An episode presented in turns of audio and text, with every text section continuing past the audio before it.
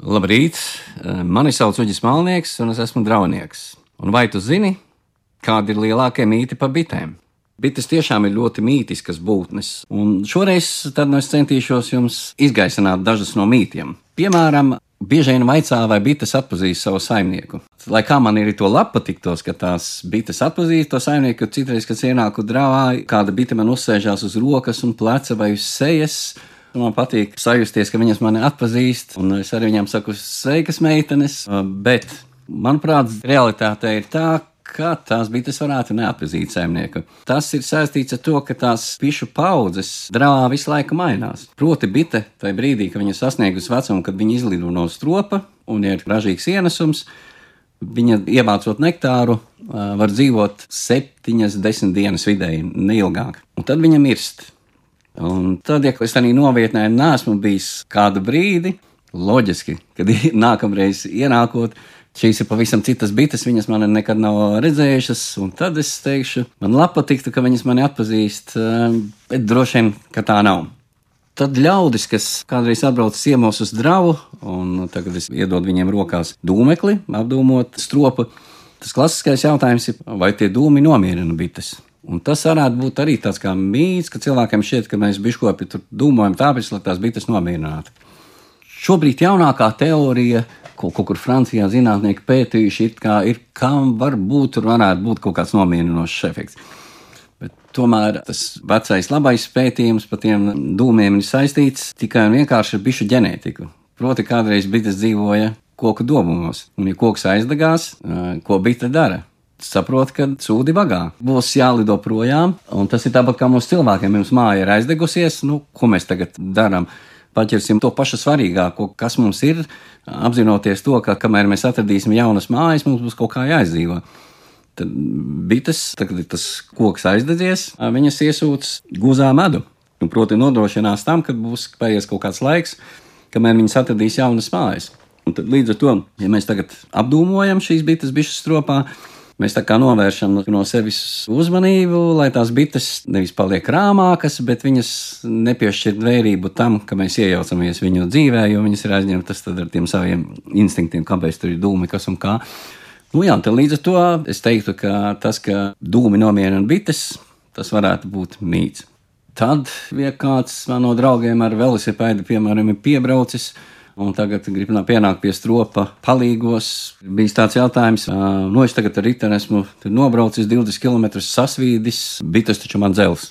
Proti ir tāds mīts, ka bitēm nepatīk sviedri. Kāpēc tas ir mīts? Nu, biškovība tas ir ļoti smags arots. Un vasarā, kad ir karsti, ticiet man, mums biškopiem tie sviedri līdz taumaļām. Līdz ar to tas ir stāsts par to, kādi ir tie sviedri. Jā, ja mēs esam kaut kur nedēļu siltās sagās satinušies, un tie sviedri ir nepatīkami un tam līdzīgi. Tas ir cits stāsts, tāpat kā, piemēram, bites dzelzs zirgiem, jo no zirgiem nāk sviedru smārts. Bitēm nepatīk asas, smagas un smaržas. Tas pats ir mīts par alkoholu, kur cits saka, ka iedzēris cilvēks nevar iet pie tā stropa. Es nedomāju, ka dzērumā ir jāiet pie stropa bet uh, viņš var diepiest ropa, jo no viņa mutes neizdalīsies nekādas uh, asas smaržas. Bet, ja cilvēkam ir paģeras, tad nu gan pie bitēm nevajadzētu iet. Tad bitēm var nepatikt šis asais smārts, kas nāk uh, no mutes. Līdz ar to ir tā, ka bitēm nevis nepatīk sviedri, bet viņām nepatīk asas smakas un smārdi. Pēdējos gados aizvien mazāk, bet joprojām ļaudis uzdot jautājumu, drīkst karstā tējā likt medu vai nedrīkst. Jo tagad ieliks, tas medus zaudēs savas īpašības.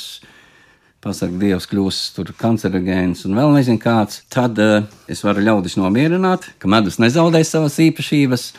Un uh, tā kā viņš ir ļoti izcils un veselībai labs pārtikas produkts, viņš tāds joprojām paliks. Uh, šai sakarā ir veikts pētījums biolaboratorijā. laboratorijā ko savulaik veica mans eh, kolēģis Jānis Vainovskis, kur medus tika ievietots četrās dažādās temperatūrās. Tur bija 90 pāri grādi, 80, 60 cik tur. Un tad šie oficiālie analīžu rezultāti parādīja to, ka tas medus nezaudē nenieku no savas vērtības. Arī 90 grādu temperatūrā medus nezaudē savas īpašības. Saka, ka slikti cilvēki pie bitēm nevar iet un tu nedrīkst baidīties, vai bites jūt bailes, vai bites jūt to, ka cilvēks ir slikts. Bet tā, Tas, ka bitēm nepatīk nervozitāte, tas gan. Citreiz būtu slikts cilvēks, būs rāms, un viņam tās bites neventīsies virsū.